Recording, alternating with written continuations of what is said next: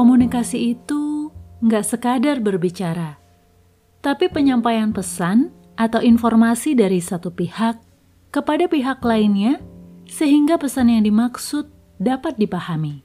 Komunikasi yang baik nggak harus menggunakan bahasa yang rumit dengan menggunakan segala kosakata yang langka, sebab tujuan pesannya sampai atau bisa dipahami.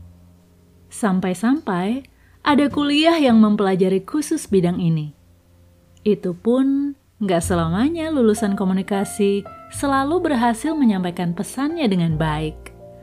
Well, selama kita hidup dan berhubungan dengan orang lain, seumur hidup itu pula kita harus mempelajari komunikasi. Sebab komunikasi itu seni. Masing-masing orang punya caranya tersendiri.